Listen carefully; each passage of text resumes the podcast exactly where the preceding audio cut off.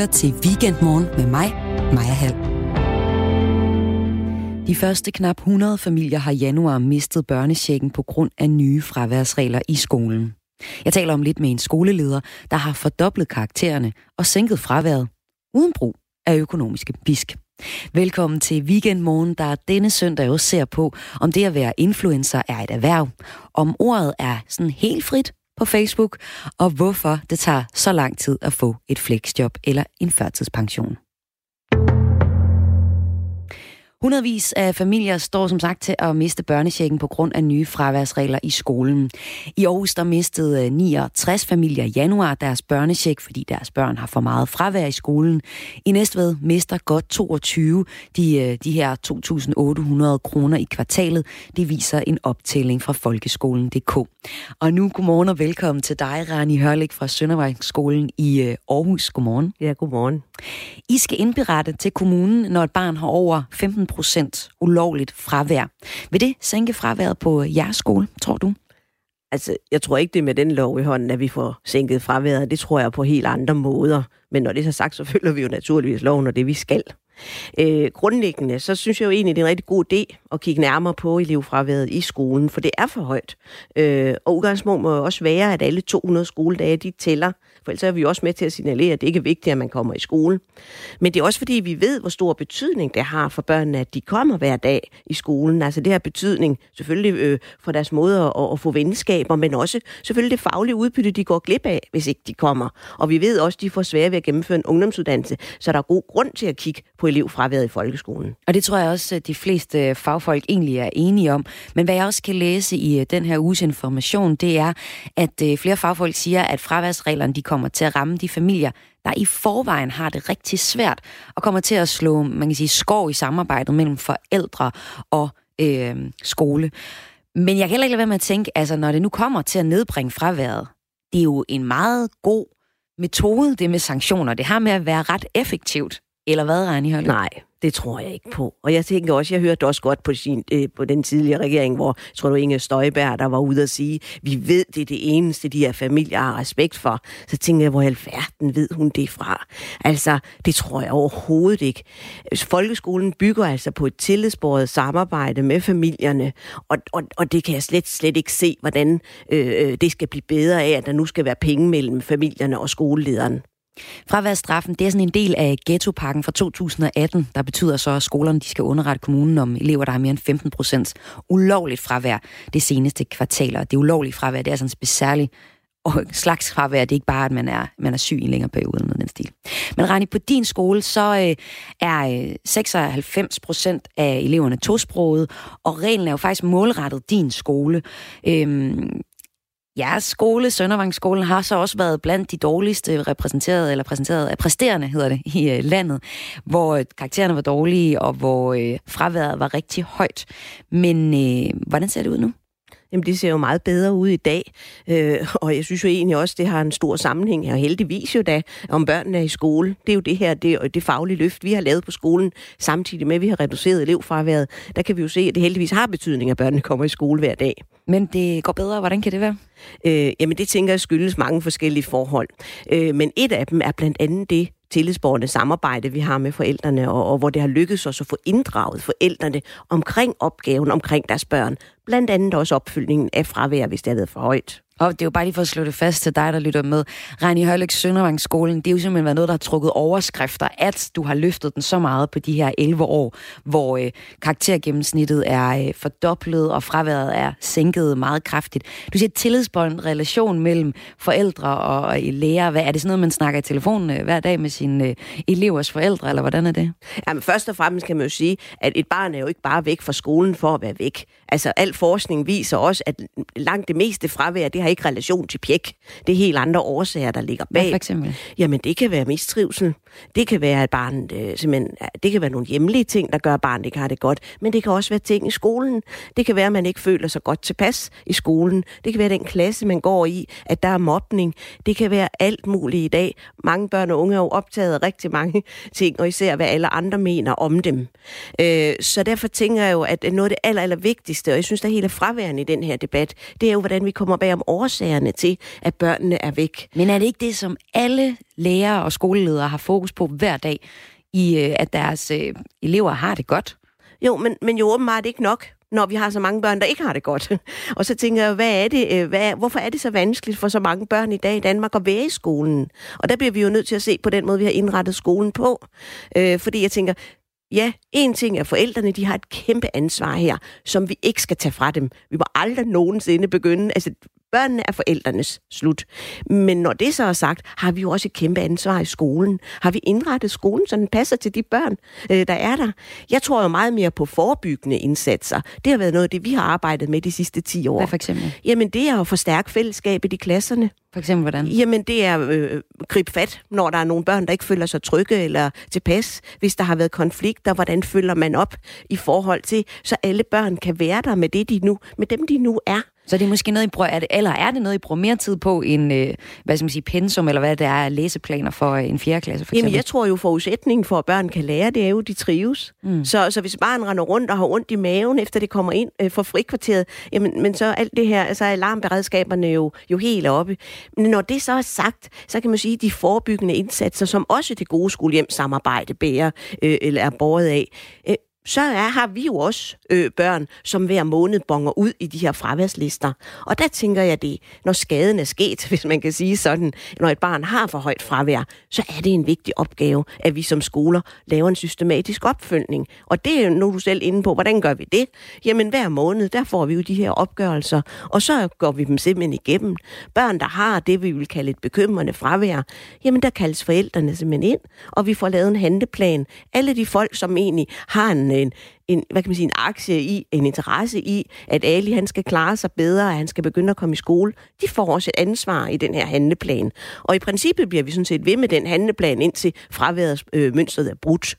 Og der kan man sige, i ganske få tilfælde, eller i nogle tilfælde, der er vi så nødt til at lave en social underretning, hvis ikke vi synes, at øh, vi kan få, få, få mønstret brudt. Men hvordan adskiller I jer fra andre skoler? Det kan jeg ikke lade være med at tænke på. Jamen, det ved jeg heller ikke, om vi gør. Jeg ved jo, at mine kolleger også hver dag arbejder det det. stenhårdt med det her. Øh, noget af det, som ligger mig meget på sinde på Søndervangsskolen og mine dygtige medarbejdere, det er jo at forstå børnene. Ja. Prøv hver eneste dag at sige, jamen Søndervangsskolen er børnenes skole. Og jeg ved godt, det lyder banalt, men det er faktisk så banalt. Og den måde, vi er sammen med børnene på, taler til med og ikke mindst om børnene på i hverdagen. Altså, vi har jo Altså noget af det, som jeg arbejder med, det gør meget klart, vi har jo virkelig kun én eneste opgave, uanset om jeg er skoleleder, eller en lærer, eller en pædagog, eller en psykolog, eller en sekretær, og det er at hjælpe og understøtte familierne og børnene. Det er jo derfor, vi er der. Øh, og det ved jeg også godt, man siger andre steder, men, men, men altså, noget af det, der ligger også meget på sinde, det er, at der er plads til den store forskellighed, vi har med 19 forskellige nationaliteter. Og øh, hvis vi nu lige ser lidt på den politiske del af det her, fordi øh, jeg kan læse i øh, informationer, jeg har ligesom snakket med rigtig mange forskellige fagfolk, kaster man bolden over til politikerne, så står de rimelig fast. Øhm, og det kan man på en måde godt forstå, fordi der er virkelig også et problem. Ifølge Undervisningsministeriets opgørelse havde 14.400 elever i Danmark mere end 15 procents ulovlig fravær i øh, et eller flere kvartalerne i skoleåret 17 til 18. Og øh, Rani Højlyk, du siger, at det er et problem. Det er et problem. Hvis man ikke kommer i skole, så er det svært at komme igennem systemet, skolesystemet, få nogle karakterer, lære at læse og skrive. Og øh, det mener Venstres undervisningsordfører Ellen Trane Nørby også, det er altså et stort problem, det her. Det er ikke bare et problem for den enkelte unge, som øh, kommer til at stå med en, øh, en grundskoleuddannelse, som ikke har den kvalitet og, og det, den dybde, som den skal have, hverken dannelsesmæssigt eller fagligt. Men det er også et problem for vores samfund, at der er så mange forældre, der ikke lever op til deres forældreansvar og sørger for, at børnene kommer i skole. Hvad er det for nogle forældre? Jamen, det kan være mange forskellige typer af forældre. Jeg tror ikke, du kan sætte sådan ligesom en karakteristik på det. Øh, det er klart, at der er nogle steder, hvor det er nogle sociale forhold i familien, grundlæggende dysfunktionelle familier, som, øh, som gør, at der ikke er nogen, der tager forældreansvaret og sørger for, at børnene kommer i skole. Hvordan hjælper det familierne, at de bliver trukket i, øh, i børnechecken? Jamen, det er jo en sanktion, og det er jo vigtigt at sige, at de 15 procent, det handler jo ikke om, at man er syg, eller man kan have problemer, der berettiger til, at man så har et, et større fravær i en periode. Altså, det er ulovligt fravær, vi taler om. Det er pjek. Det er simpelthen manglende tilstedeværelse overhovedet. En lang række fagfolk peger på, at øh, det her det rammer øh, ikke bare skævt, men for bredt. At det rammer nogle øh, folk, der har ondt i øh, livet, kan man sige, i forvejen, og er meget presset økonomisk. Så er det her den rigtige vej at gå og straffe med øh, at tage børnechecken fra familier, der i forvejen er meget småt bemidlet?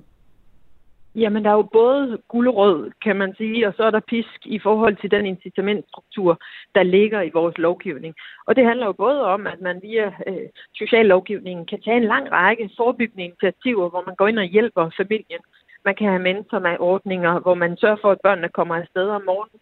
Vi har en lang række initiativer, hvor vi går ind og hjælper familierne. Men der er også steder, hvor man kan sige, at der også er behov for at have sanktionsmulighederne. Og det er det, der ligger i den her lovgivning. Og kan du garantere, at den her regel rammer de 100% øh, rigtige familier? Jamen, den her regel rammer jo dem, som ikke sørger for, at børnene kommer afsted og øh, kommer i skole, og, øh, og, og, og derfor har mere end 15 procent ulovligt fravær det er jo de rigtige, så at sige, i relation til lovens bogstav. Altså, loven skældner jo ikke mellem, om det er den ene eller den anden eller den tredje type familie. Den skældner mellem, om man overholder loven eller man ikke gør. Noget af det, som fagfolkene, blandt andet skoleleder øh, Rani Hørlik fra Søndervangsskolen i Aarhus peger på, det er, at det her det kommer til at lave en konflikt mellem øh, skole og forældre, i stedet for en øh, samtale. Og jeg kan også læse i information, at flere skoleledere, de har tænkt sig trods loven, at de simpelthen ikke mener, at det vil fra, at nedbringe fraværet, den her regel.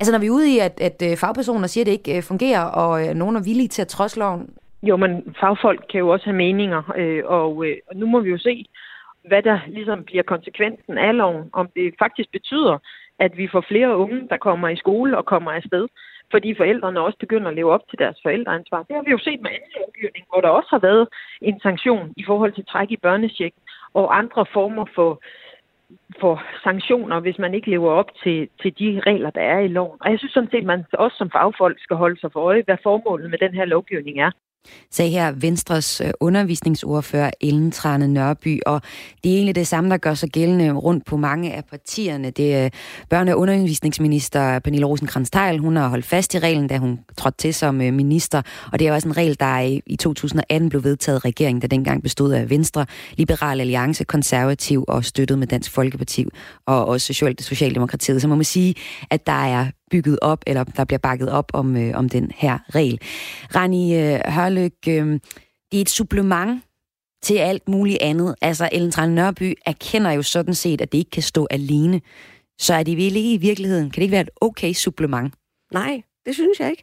Altså, jeg vil gerne lige understrege, at jeg kunne aldrig finde på at trodse en lov. Altså, det, det er sådan bare sådan, øh, uanset hvad. Men derfor tænker jeg jo, det er okay, at vi, vi udfordrer, og vi er, øh, kan være uenige. Men det er ikke det samme som, at jeg kunne finde på at trods en lov, der er vedtaget. Det vil jeg gerne sige. Men jeg synes jo faktisk selv, at ordføreren peger på netop øh, hele problematikken, at det er så forskellige artede problematikker, forskellige artede familier, det her øh, omfatter. Og derfor kan man ikke lave sådan en one-size-fits-all øh, løsning. Jeg synes stadigvæk, at man, altså selvfølgelig skal man følge op på det her. Måske er det der, vi skulle have været tættere på i årene, at det var opfølgningen på de enkelte skoler, som skulle have været tættere på, end at man nu laver en lov, der gælder på den her måde. Øh, ja. Og helt kort til sidst, øh, om øh, et år, Rani, hvordan ser det så ud på din skole efter det her? Lige nu har I... Øh, stadig fravær blandt elever. Der er 12 dage sidste år i gennemsnit per elev, der var fraværende, altså bare generelt, det kan også være sygdom og alt muligt andet. Hvordan ser det ud om et år? Jamen, det ser bedre ud, for det kan jeg se allerede nu, men det er ikke på grund af loven, det er på grund af måden, vi arbejder på. Tak til dig, skoleleder Rani Hørløk fra Søndervangsskolen i øh, Aarhus.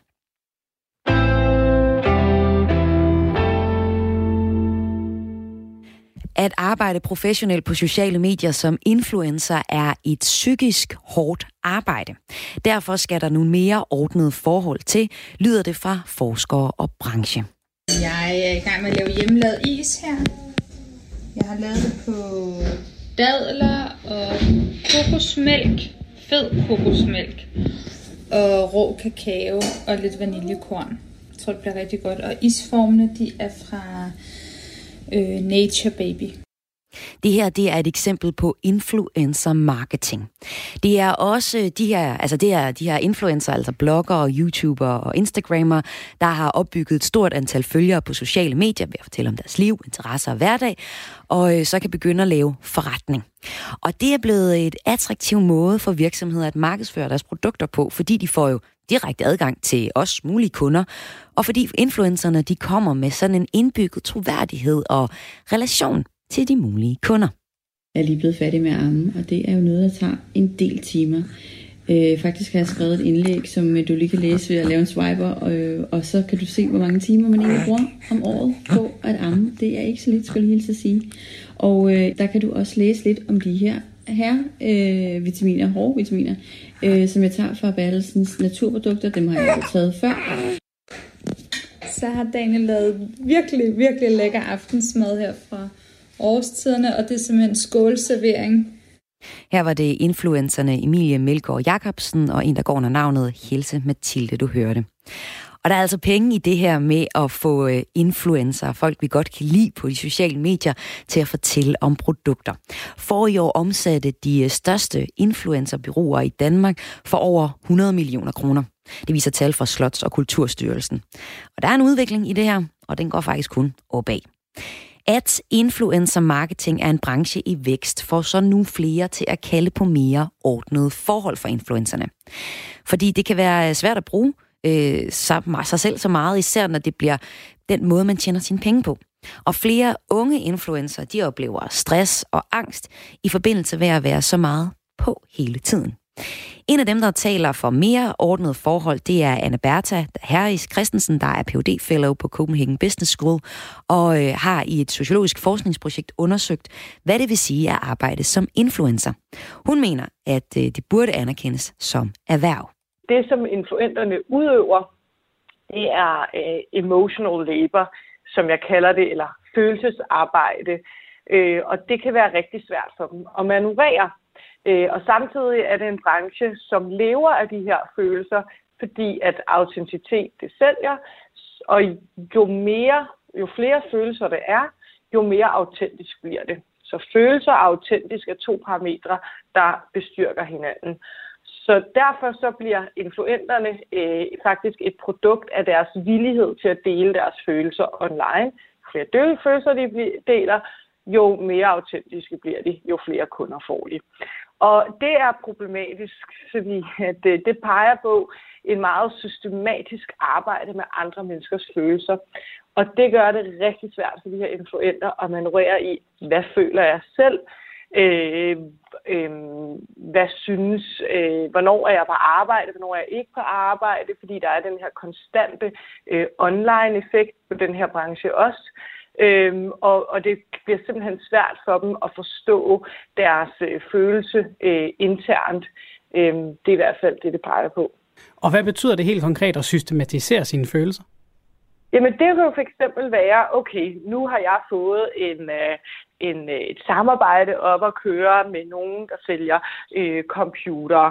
Jeg ved måske i virkeligheden ikke så meget om computer, men faktisk synes jeg, at den her computer er ret fed, og derfor har jeg taget imod kampagnen så er jeg blevet bedt om at involvere den i mit privatliv. Og det er der, hvor jeg så skal finde ud af, hvad føler jeg egentlig om den her computer? Hvordan kan jeg egentlig etablere den? Måske skal jeg se en Netflix-serie med min mand, eller min kæreste, eller mit barn, og lige pludselig bliver dit følelsesregister en rigtig stor del af det.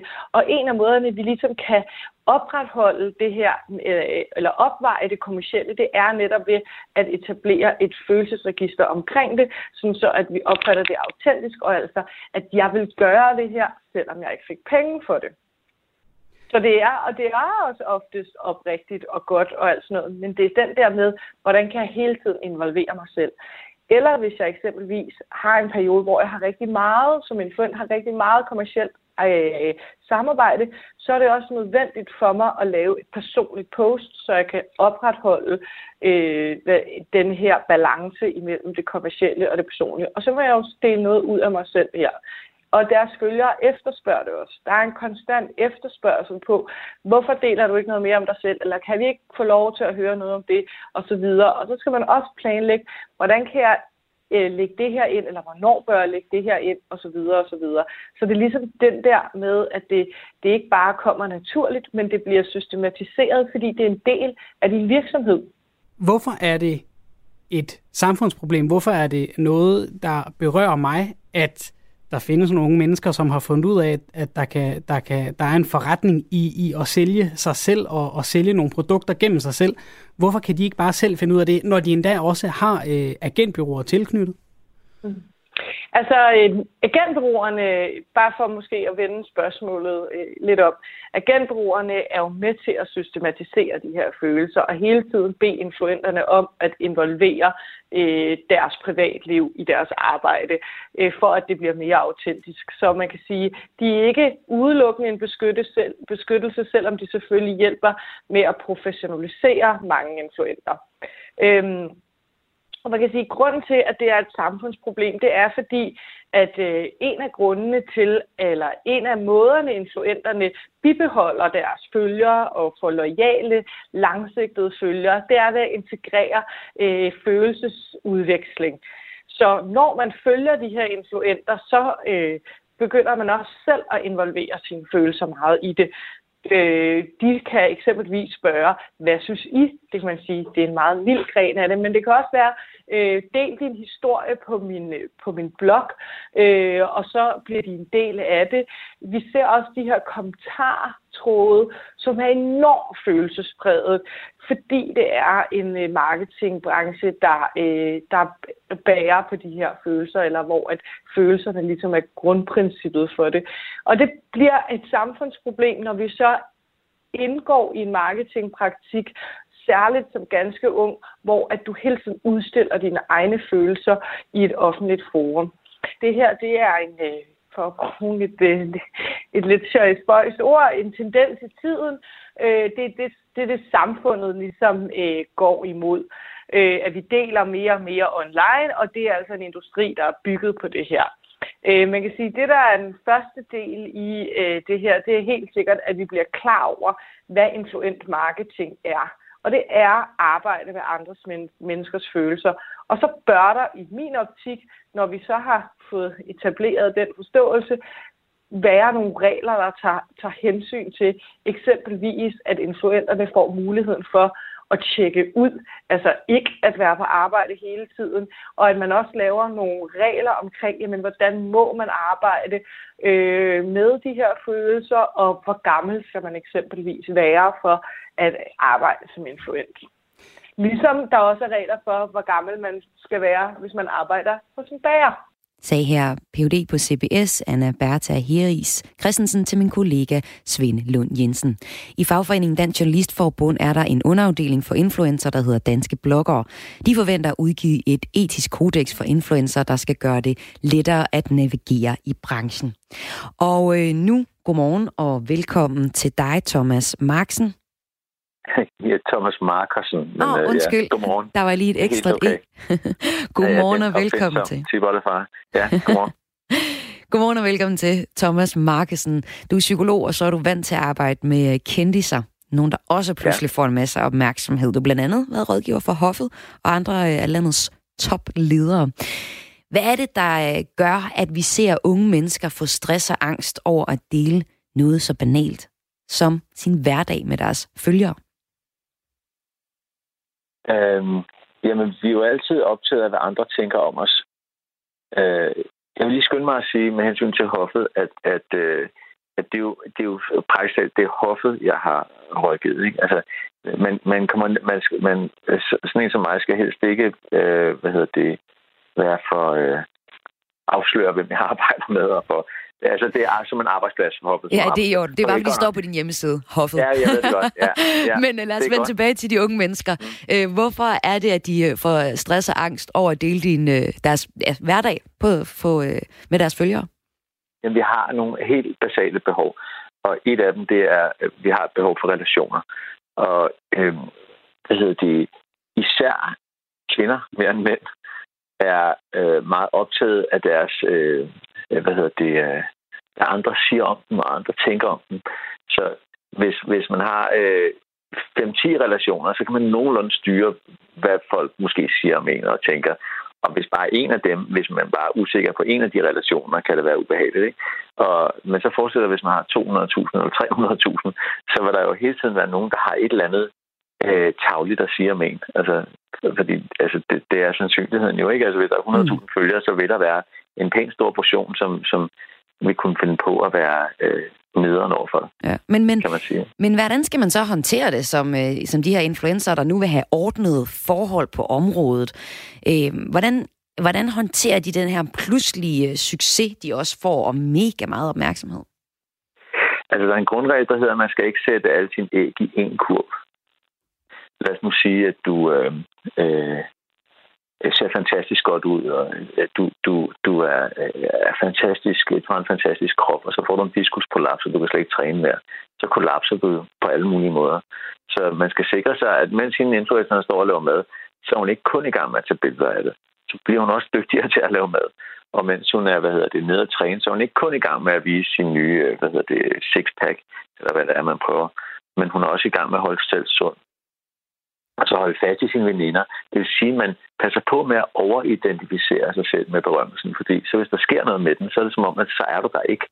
Øh, altså hvis, hvis man kun er sine 300.000 følgere, og, man, og, man, øh, og der, der, der sker noget med, med den her berømmelse, øh, jamen så er man jo, øh, så, så står man jo pludselig uden at stå steder. Ikke? Så min generalråd er at have flere æg i en kurv. Tusind tak. Eller, undskyld, have mange kurv Fuld med altså, mange forskellige kun æg. forskellige ting, ja. ja, kun forskellige ting. Ikke? Tusind tak, Thomas Markersen, psykolog. Tusind tak, Thomas Markersen, psykolog, og tak for at være med her. Nu har vi et nyhedsoverblik med Thomas Sand. Her er nyhederne på Radio 4. Gider du og kørelæreren ikke rigtig have en køretime sent om aftenen, så tag et par solbriller på næsen under en køretime om dagen, og vupti, så er den obligatoriske mørkekørsel klaret. Eller hvad med teoriprøven? Er den for svær for dig? Så sender vi bare en anden ind, der kan tage prøven i dit sted. Det er blot nogle af de eksempler på svindel, som politiet støder på, når køreskoler i især de større byer skal gøre deres unge elever klar til at færdes frit bag rattet. Alene sidste år blev der rejst 123 sager mod køreskoler i hele landet, viser en ny opgørelse fra Rigspolitiet. I Københavns politi er omfanget af svindlen så stort, at man har afsat tre mand til at behandle sager om snyd. På Fyn oplever politiassistent og bestyrelsesmedlem i Køreprøvesagkyndiges Landsforening, Sten Kaspersen, også at der er urent trav blandt visse køreskoler. De problemer, vi har med køreprøveafvikling, eller med, med nogle køreskoler på Fyn, det er jo, at der bliver snydt på vægten. Øh, forstået på den måde, at øh, en del elever får faktisk ikke den undervisning, som de har krav på, og som de skal have efter lovgivningen, og som de så også har betalt for. Støttepartierne kan ikke længere vente på regeringen i forhold til at indlede forhandlinger om en klimahandlingsplan. Det siger de radikales politiske leder Morten Østergaard, som derfor fremlægger fem centrale problemer, han mener partierne skal løse som det første. Vi har påtaget os en kæmpe opgave med målet om 70% CO2-reduktion. Men det vi har brug for nu, det er at træffe de første afgørende beslutninger om, hvordan vi gør det dyrere at leve sort, men billigere at leve grønt, hvordan vi bruger de offentlige indkøb som motor i den grønne omstilling, hvordan vi sikrer finansieringen til klimaindsatsen i årene, der kommer, og hvordan vi får elektrificeret hele det danske samfund, så vi kan bruge al den gode grønne strøm. Det er beslutninger, vi skal tage her og nu i foråret. Vi kan ikke vente længere på regeringen. I regeringen hilser klimaminister Dan Jørgensen de radikales input velkommen. Han er enig i, at partierne skal diskutere disse emner i forbindelse med klimaforhandlingerne. Til gengæld mener Dan Jørgensen, at beslutningerne bør tages i den omvendte rækkefølge.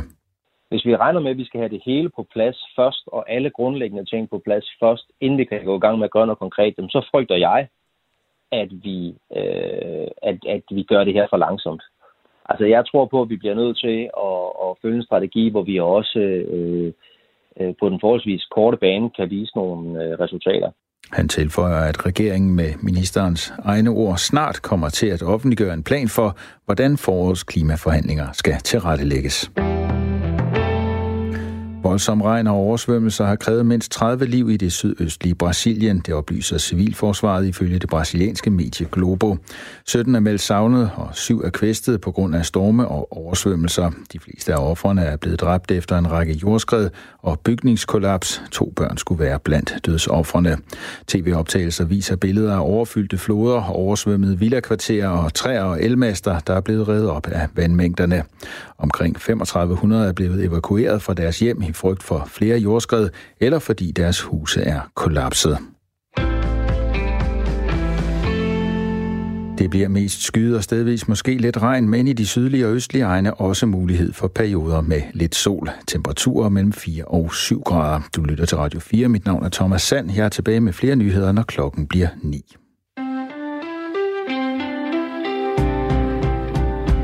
lytter til Weekendmorgen med mig, Maja Hall. Bliver du for eksempel øh, kronisk syg og skal have nedsat tid, så skal du have fat i den helt store dose med tålmodighed og være klar med nem idé. En stor sammenslutning af organisationer prøvede i fredags at råbe beskæftigelsesministeren op. Jeg ser på, hvordan det gik. Men øh, først så skal vi se på, om ordet er frit på Facebook. Vi er derinde rigtig mange af os inde på Facebook. Faktisk er hele 64 procent af os på Facebook hver dag ifølge DR's nye medieudviklingsrapport. Men øh, i den forgangne uge var der et par særlige personer, der var lidt mindre på Facebook end normalt. Nemlig øh, debattør Lars Hedegaard og Aya Fogh, formand i Trykkefrihedsselskabet. Deres profiler de blev suspenderet for at nævne britten Tommy Robinson, som Trykkefrihedsselskabet har tildelt en pris. Tommy Robinson er bandlyst fra Facebooks platforme, fordi Facebook ser ham som en hadprædikant. Han er meget islamkritisk, og altså åbenbart for grov til Facebook, mener de. Flere danske folketingsmedlemmer, blandt andet Søren Espersen, Pernille Vermund, de har været kritiske over for, at Lars Hedegaard, Ejer Fo og andre, der nævnte Robinson på den her måde, er blevet fjernet fra Facebook. Altså, ordet er vel frit på Facebook, skriver de. Og øh, det vil man gerne se på politisk. At de har gået udtale sig det, det ved jeg ikke, om det der har gjort udslaget, men øh, i hvert fald så er de tilbage på Facebook og ikke længere karantæne. Rasmus Jarlov fra De Konservative skrev på Facebook, at øh, Facebook er ved at være et problem for den offentlige debat i Danmark. Og er den så egentlig det? Det ser vi på det næste kvarters tid. Først øh, velkommen til dig, Sander Andreas Svarts, du er adjunkt ved Institut for Kommunikation og Humanistisk Videnskab på Roskilde Universitet. Godmorgen til dig. Godmorgen. Tror Facebook den offentlige debat i Danmark?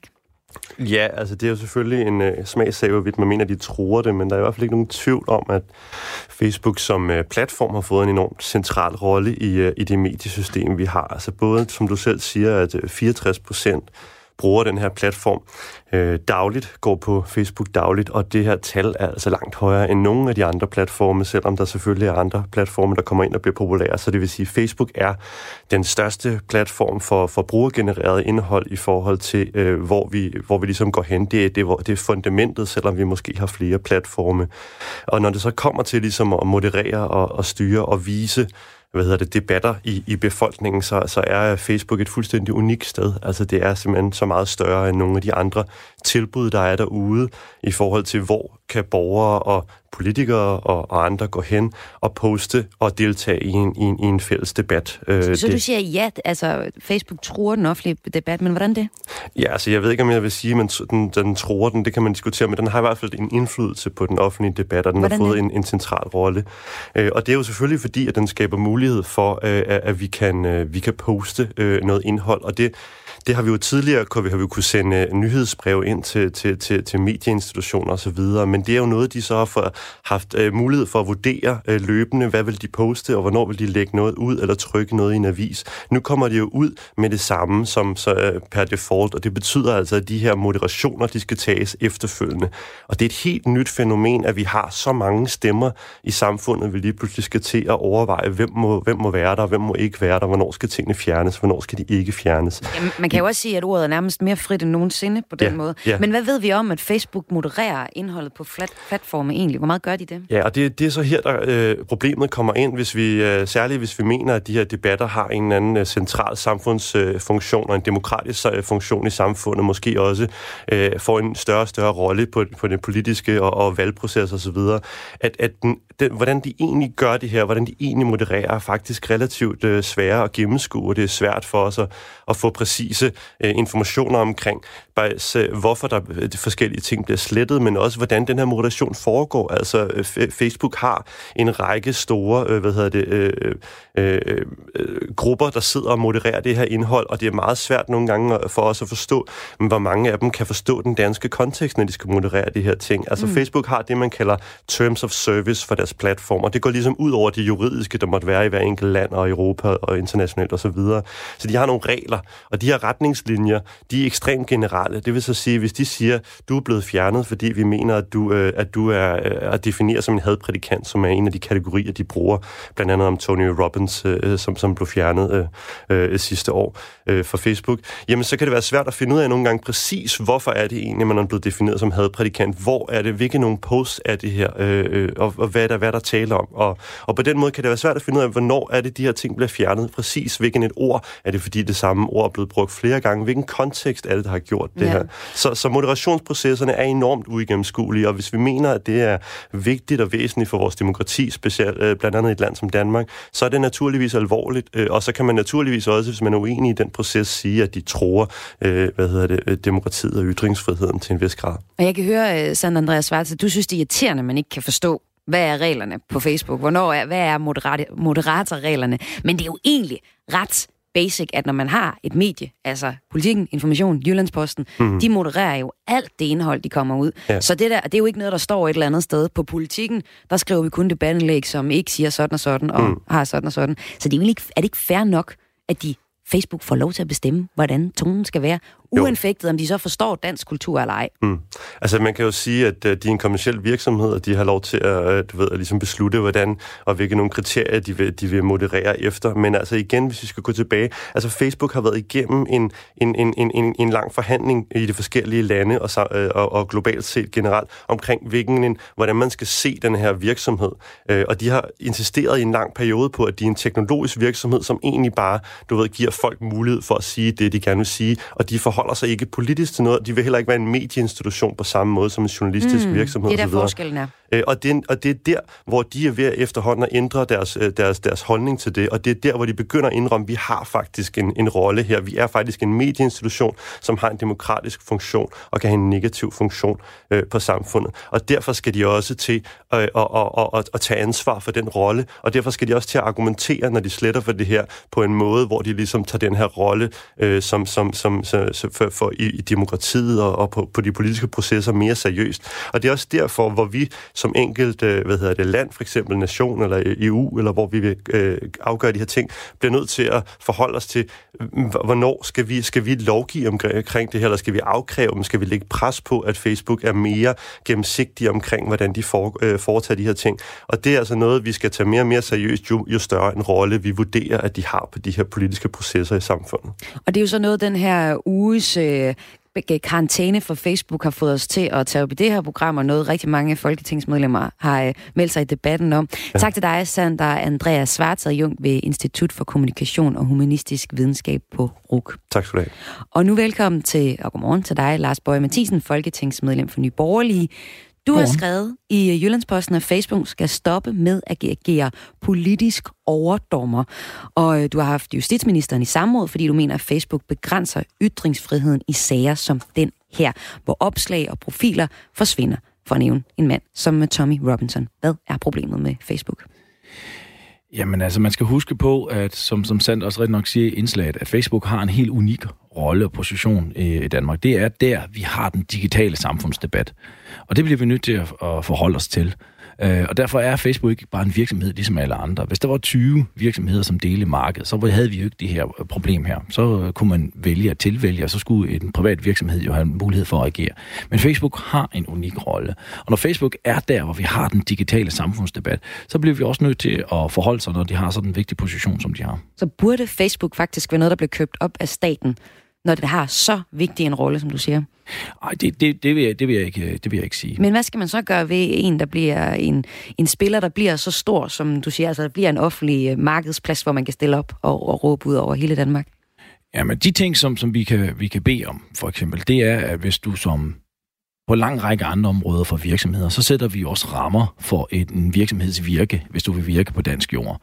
Øh, og det skal vi også ture og gøre over for de her øh, tech-giganter. Det er urørte vande. Vi har jo ikke oplevet det her før. Så derfor famler man jo også lidt, og det tror jeg også, at både lovgiver og debattører, og derfor er det vigtigt at tage den her debat. Og jeg synes også, det er vigtigt at høre regeringen, hvad de har af holdning til de her ting. Fordi hvis Facebook går ind og agerer politisk, som de er begyndt at gøre, jamen så har vi også et, en vis øh, forventning om, at vi har en gennemsigtighed omkring, hvad det er, de gør. Øh, forestil jer nu, at Radio 4 havde øh, 80% af, af markedet, og det var det eneste radioprogram, og, og det var dem, der kunne i talesætte debatten. Så vil vi også som borgere have en forventning om, at vi havde en gennemsigtighed omkring, hvem er I? Hvorfor træffer I de beslutninger, I gør? Og, og, og hvad kan man sige, hvad kan man ikke sige? Og den gennemsigtighed er der ikke i, i Facebook. Man kan ikke få at vide, hvorfor man bliver slettet, og hvorfor, og hvorfor man bliver bare slettet. Og det er ganske enkelt ikke rimeligt. Nu i det her konkrete eksempel med Tommy Robinson, som øh, er kommet med nogle meget stærke og kraftige ytringer, som vi måske egentlig ellers også vil sige var diskriminerende eller en skabende, hvis det, hvis det var noget, han gik ud og sagde på åben gade. Det her konkrete eksempel, er det ikke okay, at Facebook egentlig modererer det? Ej, man skal lige holde tungen lige midt i munden her, fordi ja. at, at, at, at det handler om, du må jo ikke på de sociale medier sige noget, som ellers i samfundet er ulovligt. Der har vi jo en lovgivning. Mm. Og det er jo det, vi siger, at lad os nu have den lovgivning, som gælder for resten af samfundet. Du må jo ikke sige noget injuringer om mig eller noget diskriminering om andre folk. Så har vi en lovgivning, der går ind. Og, og det er jo også det, vi siger, at det, samme kan jo også gælde for, for Facebook på denne måde. Mm. Så, så, så på den måde er der ikke nogen forskel i de to ting. Så du ser egentlig, at vi har egentlig de lov, der skal til? Ja, altså, det mener jeg, at vi har grundlæggende i Danmark. Vi har jo en langt og stolt tradition for at have ytringsfri og have en fri debat. Og det er jo den, der bliver taget fra folk nu, fordi de ved ikke, hvad de må sige.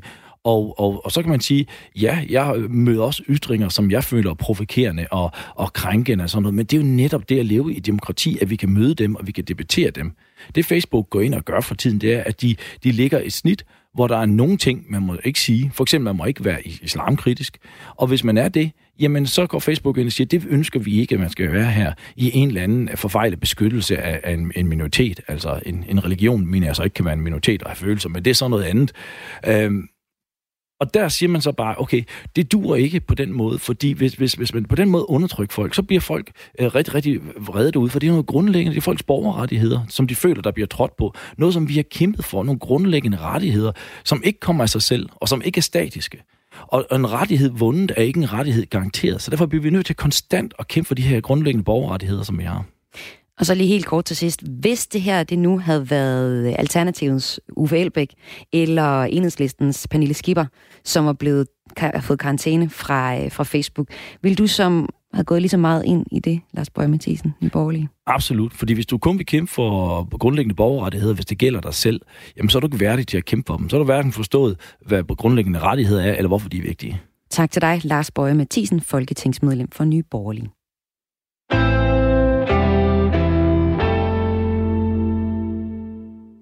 det lyder helt åndssvagt, men til sidst der fik jeg faktisk en form for angst for min postkasse, fordi jeg tænkte, hvad ligger der nu dernede af breve, jeg skal tage stilling til, og hvad sker der, hvis jeg ikke gør det? Fortæller Helene Tejl Hansen, der efter en længere omgang kommuneboksning har fået lov til at blive på sit arbejde i en flexjobsordning. Og det er det, vi skal tale om nu her i Radio 4 Weekendmorgen, fordi Helene Tejl Hansen, hun er ikke alene. Borgere oplever uværdig behandling og mistro, mens kommunerne undersøger deres arbejdsevne. Det mener du, Camilla Gregersen. Godmorgen. Ja, godmorgen. Du er formand for Dansk Magisterforening og står i spidsen for Værdig Reform, der består af over 60 faglige og sociale organisationer. I fredags der holdt I møde med medlemmer af Folketingets beskæftigelsesudvalg og beskæftigelsesminister Peter Hummelgaard Thomsen. Og det var for at forstå, hvorfor tager det så lang tid at få en flexjobsordning eller førtidspension. Hvad fik I ud af mødet? Jamen, vi fik jo ud af mødet, at øh, ministeren tilkendegav, at han gerne vil se på de her lange ressourceforløb, og det værd så der er meget. Men han og forlispartierne må ikke glemme flexjobberne, som du lige øh, var inde på her i din case. For dem er der også brug for, at der bliver handlet på nu. De har fået en øh, sværere vej ind på arbejdsmarkedet, efter man lavede loven om, loven om i 2013, og når det så endelig lykkes dem at komme ind på arbejdsmarkedet, jamen så får de ofte en, nu en lavere løn og pension, fordi deres fagforening forening ikke længere kan komme ind og hjælpe dem med ansættelseskontrakter. Og det giver altså de her folk nogle mere usikre ansættelsesforhold, og det synes jeg ikke, vi kan være bekendt. Så jeg synes, at politikerne skal sørge for, at vi får en værdig reform for alle dem, der ikke har fuld arbejdsevne. I præsenterede på mødet en række eksempler på øh, folk, der bliver øh, man kan sige, klemt i systemet, og en af dem, det var altså Helene Tejl Hansen fra Roskilde Kommune, som vi lige hørte her. Øh, til at starte med, hende skal vi lige høre lidt mere fra, fordi øh, hun arbejder som øh, laborant, men får så problemer med øh, smerter grundet nogle specifikke arbejdsopgaver på arbejdet. For seks år siden, så bliver smerterne diagnostiseret kroniske, og den diagnose, den bliver simpelthen starten på en møg lang kamp for at få lov til at blive på arbejdet, fortæller hun her. Det er jo for det første lidt hårdt. Jeg havde lige fået en diagnose, at det her det er en kronisk tilstand, og jeg vidste jo godt, at jeg ikke kunne arbejde som før. Øhm, så selvfølgelig så var det jo en god ting, at nu skal vi sammen finde ud af det her. Men bare det, der rent faktisk stod, at vi skal sammen sikre, at du kommer tilbage på arbejde. Altså, jeg var jo på arbejde. Jeg havde hele tiden været på arbejde, og havde prøvet at blive ved med at arbejde. Øhm, men jeg tænkte som det første, når okay, det skal vi jo have løst, så jeg møder op, og så finder vi ud af det, tænkte jeg. Og hvordan gik det så? Jamen, det gik egentlig meget godt. Jeg følte, øh, jeg havde tillid til min sagsbehandler, jeg kunne mærke, at vi havde kemi, og jeg tænkte, altså hun siger, at du, du, altså, vi skal jo prøve at, at finde nogle løsninger.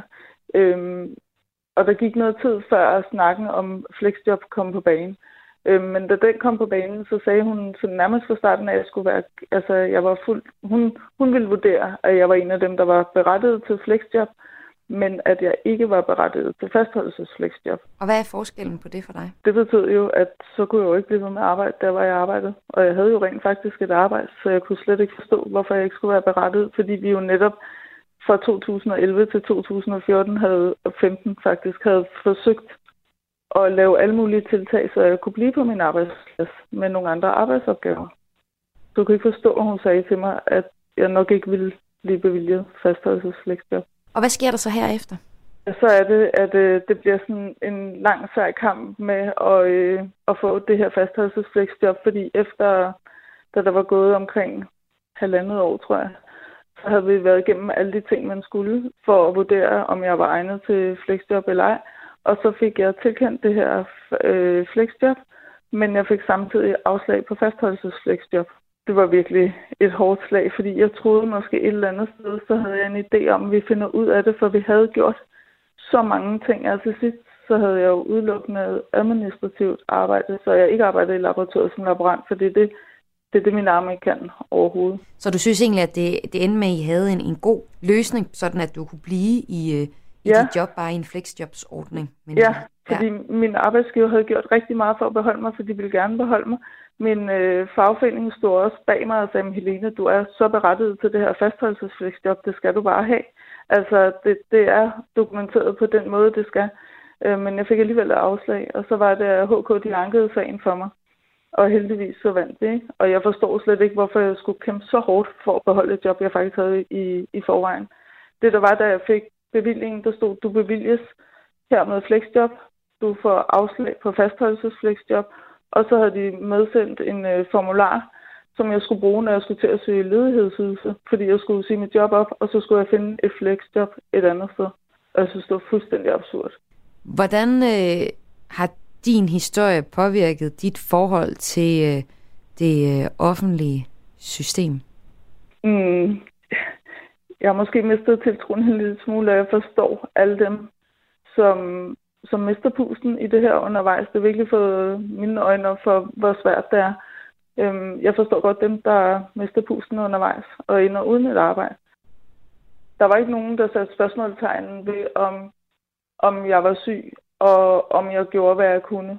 Men hele det her med, at hver gang man får et brev fra kommunen, så står der noget, man skal, øh, på få linjer, og så står der en fire sider lang trussel om, hvad der sker, hvis ikke man gør, som de beder om. Det lyder helt åndssvagt, men til sidst der fik jeg rent faktisk en form for angst for min postkasse, fordi jeg tænkte, hvad ligger der nu dernede af brevet, jeg skal tage stilling til, og hvad sker der, hvis jeg ikke gør det? Altså var hele tiden bange for at, at blive ramt øh, ved at miste mit job eller et eller andet andet. Fortalte her Helene Tejl øh, Hansen og Camilla Gregersen, formand for Dansk Magisterforening. Du markerede, mens vi hørte det her klip. Ja, fordi jeg synes, at det illustrerer lige præcis den øh, utryghed, der kommer. Og vi regner jo alle sammen med, at der er et sikkerhedsnet, der griber os, hvis det er sådan, at vi mister arbejdsevnen. Men pludselig er der så kommet nogle gevaldige huller i det her sikkerhedsnet. Og det vi skal huske på, det er, vi håber alle sammen, at samfundet er for os, hvis vi kommer i den situation. Men pludselig, så er der ikke øh, den her sikkerhed. Og jeg mener, det bør være en fælles sag, at systemet fungerer og er værdigt for alle dem, som er syge eller bliver handicappet eller ramt af en ulykke, så de ikke har fuld arbejdsevne. Og derfor skal politikerne gå ind nu her og rette op på de forringelser, der er kommet af lovgivningen for den her gruppe. Vi kan simpelthen ikke være andet bekendt. Og nu velkommen til dig, Samia Nava, beskæftigelsesordfører i Radikale Venstre og medlem af Beskæftigelsesudvalget. Godmorgen til dig. Godmorgen. I sad i regering, da man øh, vedtog det, de her regler, som der nu bliver peget på fra blandt andet Camilla Gregersen, er øh, ret langstrukne. Og du var også med til mødet i fredags, hvor øh, ja. der blev præsenteret en række historier, som for eksempel Helenes vi lige har hørt. Er det i orden, at folk i Danmark skal igennem de her, ja det er jo faktisk flere år lange processer, når man bliver syg og faktisk bare godt vil blive på sit arbejde, måske i en flekstopsordning? Det er rigtigt. Jeg var med der i fredags og hørte øh, blandt andet Helenes historie, og jeg må øh, sige, at det gjorde ret stort indtryk. Øh, især, øh, eller faktisk hele hendes historie, men i hvert fald også den del, hvor at man hører om en kvinde, der øh, der egentlig har ret stor tiltro til systemet og stor øh, tillid til, at, at der er et system, der nok skal være der for hende. Men, men det ender med, at hun mister tilliden. Øh, og det er jo øh, det er en bekymring, som jeg har, at vi er endt ud i en eller anden form for system, hvor borgerne har mistet tilliden, øh, og hvor man på en eller anden måde fra systemets side øh, viser, at man også har mistet tilliden til borgerne ved, at der er så, så stort et kontrolgreb øh, med, med borgerne. Og, og det er den her tillidsdagsorden, som, som jeg synes, at vi skal, vi skal have frem igen, øh, både til de mennesker, der sidder og arbejder i kommunerne, men så sandelig også til borgerne om, at de jo rent faktisk aller, aller helst gerne vil arbejde, og at man ikke hvad skal man sige, simulerer sig syg. Jeg tror faktisk, det var sådan, Helene hun også selv udtalte eller udtrykte sig på mødet, at hun går ikke rundt og lader, som om hun er syg. Tværtimod, så prøver hun faktisk at spille rask, øh, fordi hun så gerne vil være det. Øh, mm. Men, men synes, Samir, at... så, så jeg hører jo egentlig, øh, det som jeg tit hører fra jer politikere, at øh, I hører borgernes historie, I ser et problem, men hvad så som medlem af beskæftigelsesudvalget og øh, med ministeren til stede også, hører du så, at øh, på mandag i morgen, så holder et møde, og så bliver der gjort noget ved det her? Eller hvad sker der, Samir Nava? Ja, nej, øh, der er ikke lige noget møde i kalenderen øh, i, i morgen mandag, men, øh, men ministeren han, øh, han indkalder snarest muligt til et møde. Øh, det lovede han sådan set også øh, der øh, i fredags øh, til, til det her møde. Øh, og, øh, og, og, og så er der jo så, der skal forhandlinger i gang. Øh, og, og en af de ting, som, som, som jeg også vil gå til bordet med som er radikal politik, det er den her cyklen rundt i systemet, som, øh, som, som er enormt uværdig. Øh, der var også en anden øh, borger til stede på mødet i fredags, Jakub, undskyld, han, han har været i systemet i 12 år, sådan som jeg forstod hans øh, historie. I Radikal Venstre, der synes vi, at efter tre år, der skal en borger have krav på at være afklaret øh, i forhold til, om man skal øh, tilbage på arbejdsmarkedet, eller man skal have en førtidspension. Det, øh, men det er der vel mange, der er enige om det her med, at man ikke skal cykle rundt. Camilla Gregersen, formand for Dansk Magisterforening. Prøv lige at, at forklare, hvad er øh, hvad er det, det vigtigste, som øh, Mia og øh, Samia Nava og Beskæftigelsesudvalget skal tage med fra jeres møde? Jamen, de skal tage med, at der faktisk er flere problemer i det her. For vi fik faktisk en lovning på, fra ministeren, som jeg værdsætter meget, men det er kun i et hjørne af området, nemlig det her med, at der ikke skal være så lange forløb, hvor man cykler rundt i. Det er vi utrolig glade for, men som vi kan høre fra øh, Helenes historie om flexjob, så er der altså også andre områder her. Så man er simpelthen nødt til at kigge alle hjørner igennem. Der var så mange forringelser, der kom fra dem, der faktisk har det rigtig svært på, i vores samfund med den her lov, som kom i 13, og vi håber, at, man, at politikerne de tør løfte alle hjørnerne og faktisk gøre noget ved det, sådan så man ikke bare fjerner det, som lige umiddelbart måske er det, der giver de aller værste overskrifter, men, øh, men at man så ikke kommer fuldt til bunds i det. Så jeg håber faktisk, at politikerne de tør kigge ærligt på det her og sige, vi lavede måske en fejl. Vi, gik, vi strammede simpelthen lovgivning for meget her for dem, der står aller, aller sværest, og det kan vi ikke være bekendt. Jeg håber, at vi om sider får en værdig reform, og det bliver vi ved med at presse på med. Samia Narva, lavede I en fejl, da I øh, bakkede øh, og sad i regering, dengang man vedtog de her regler? Jeg tror i hvert fald, det er meget vigtigt, sådan som øh, Camilla Gregersen siger det, at, at vi skal have kigget på det, fordi der Men er... lavede I en fejl? Altså, altså, det er jo fair nok. Lavede en fejl? Jamen, det, er, det handler jo om at få, få kigget på nogle ting, og, og hvis, vi, hvis vi ender i en situation, hvor vi forbedrer det, der jeg gerne vil, jamen så har man nok strammet det for meget øh, Så man har faktisk nok i, lavet en fejl.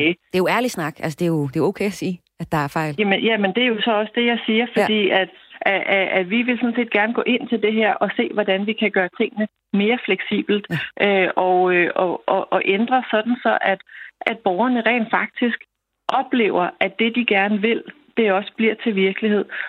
Altså, det gør enormt indtryk, når der er en borger, der enormt gerne vil arbejde, ja. Øh, men, men som skal igennem øh, alle mulige øh, breve og øh, bjerge, øh, der skal bestiges for at få lov til at, at blive på, på den arbejdsplads, der gerne vil beholde hende. Ja. Øh, så, så det er da klart, at, at at vi gerne vil forbedre nogle ting, både for, for borgerne, men sådan set også løsne lidt op i, i den her systemiske tilgang til det hele. Tak altså, jeg vil gerne kvittere ja, for, at I lytter ja. nu. Vi håber så bare, at I også følger op med en masse handling. Og det bliver det sidste ord i den her snak. Camilla Gregersen, formand for Dansk Magisterforening. Der skal følges op, siger du her til sidst. Og så Mia Nava, beskæftigelsesordfører i Radikal Venstre og medlem af Beskæftigelsesudvalget.